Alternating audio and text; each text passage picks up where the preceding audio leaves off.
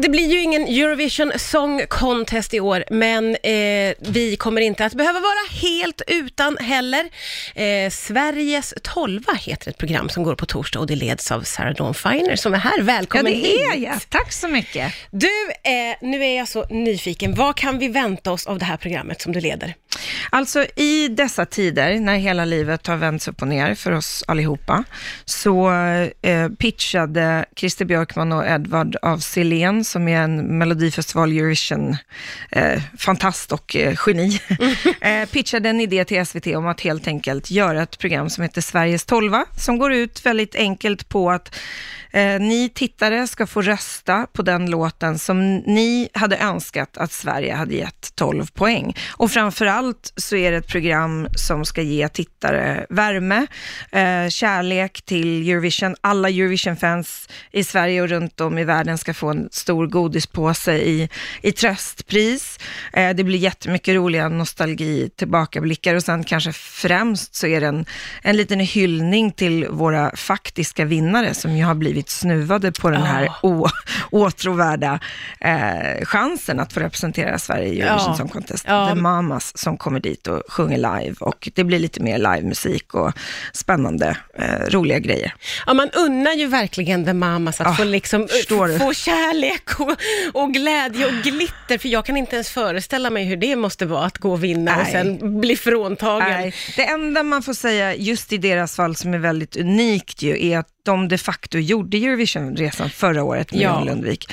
Eh, om det hade hänt liksom Sanna Nilsson efter sju försök eller Måns Zelmerlöw eller något, då, då vet det 17, men de har så sjukt gott mod. Det är klart att de är jätteledsna, men de har också precis upplevt det och Mm. det är väl jätteskönt i själen, även om det absolut inte går att jämföra med en egen Nej, det är chans. klart. Liksom. Och sen så är det väl väldigt många där ute som inte hade klarat sig utan någonting. Alltså det är ju en sån stor, enorm rörelse, Eurovision Song Ja. Contest, som betyder mycket för väldigt, väldigt många, eller hur? Alltså det betyder så mycket. Jag har ju aldrig tävlat, jag har ju bara uppträtt som mellanakt, men alltså jag har ju haft fans sen, jag var med i Melodifestivalen 2007. Jag har haft liksom fans runt om i världen bara för att Eurovision-fans följer svenska Melodifestivalen så mycket och bryr sig så mycket om vad vi gör här Ja. i Sverige. För att de är typ de mest kärleksfulla och lojalaste fansen som finns.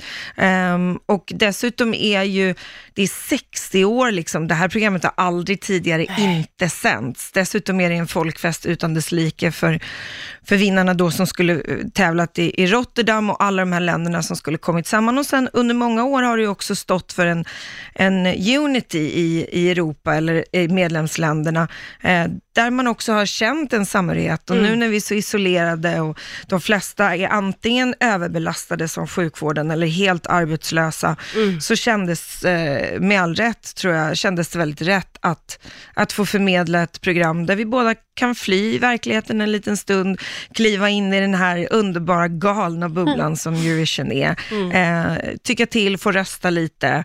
Eh, I det här programmet får man höra hela låtarna, det är inte så att jag eller Christer Björkman eller Edvard kommer att prata under låtarna på något sätt, utan Musiken eh, i fokus. Musiken är i fokus och eh, vi ska snarare bara vara där och, och ta emot rösterna och, och förmedla vem då som hade blivit Sveriges vinnare och fått Sveriges tolva. Det låter ju som ett väldigt gott substitut måste jag säga. Du, eh, ja, men du leder ju det här programmet på grund av att allt har slängts om och ändrats om eh, i och med den här eh, coronaviruset som har dragit in över vårt jordklot. Det har drabbat din bransch väldigt, väldigt hårt och, och du har ju varit väldigt öppen med att eh, du har liksom förlorat många jobb och du var väldigt tydlig med att du var glad för att du fick ta det här jobbet. Ja, sjukt glad. Jag var liksom, eh, ja men det är det första, första och enda jobbet som jag har fått, eh, eller liksom riktiga jobbet där jag känner att jag fyller någon funktion och inte bara vickar för någon för att någon är sjuk. Ehm, nej, det här är ju den st- största katastrofen som har hänt i västvärlden såklart. Eh, Det har ju hänt otroligt mycket värre katastrofer i tredje världen i många, många år. Eh, men just livebranschen, eh, precis som resebranschen och, och restaurangbranschen och många andra, men livebranschen har ju slagits på ett sätt som, slagits ut på ett sätt som vi aldrig någonsin har sett. Och, och det tragiska med det är ju att, inte nog med att det är liksom tekniker, musiker, teknikleverantörer, scenbyggare, producenter, produktionsbolag och artister som är, är arbetslösa i I don't know how long. Men mm. den är också väldigt skör, livebranschen. Alltså de flesta människor satsar jättemycket pengar på att försöka eh, skapa nytt eller producera någonting som ska upp och som behöver biljettintäkter för att mm. gå runt. Och det finns det ingen chans att göra nu. Så att det är otroligt många, och det, och det är verkligen, eh, ja men jag har aldrig sett något liknande. Jag har liksom otroligt mycket kompisar som har eh, gått i konkurs och vi kämpar alla med att försöka, försöka göra verklighet av en situation som vi eh, inte riktigt vet när den kommer att sluta. Och hur ser du på framtiden då, när det är så mycket osäkerhet? Mm, men jag tycker inte så mycket om villrådighet. Det finns någon bokstavskombination i mig som stressas väldigt mycket av det. Så jag har alltid försökt att skapa egna arbetstillfällen och mm. även så nu. Jag har sökt en massa jobb och jag har ringt runt till en massa människor och sagt, kan vi göra så här? Och, mm. um, jag har liksom, ja, men jag försöker vara så innovativ som jag bara kan. Samtidigt har vi ju eh, en, en annan situation där det är en sjukdom som härjar och vi har barn hemma, folk går i skolan, man kan inte skriva eller skapa på samma sätt när man är ganska många människor under ett, ett tak. Mm. Liksom. Mm. Så att man får hitta nya möjligheter. Jag tycker det är jättesvårt. Jag, för, jag, jag hade mycket bättre hopp och pepp de första veckorna. Uh, och nu när liksom, jag har saker inställt hela vägen fram till jul och några till och med nästa år, så, ja. så blir det väldigt, väldigt, väldigt svårt. Men det största och det finaste i det här är ju att vi är så otroligt många som sitter i samma situation, eh, oavsett yrke. Och dessutom är det ju så extremt många yrken som är extremt överbelastade nu. Mm. Um, så att min förhoppning är att vi på något sätt, jag har kompisar som har gått in i vården, som har liksom läst ja. upp sin gamla undersköterskeutbildning. Just.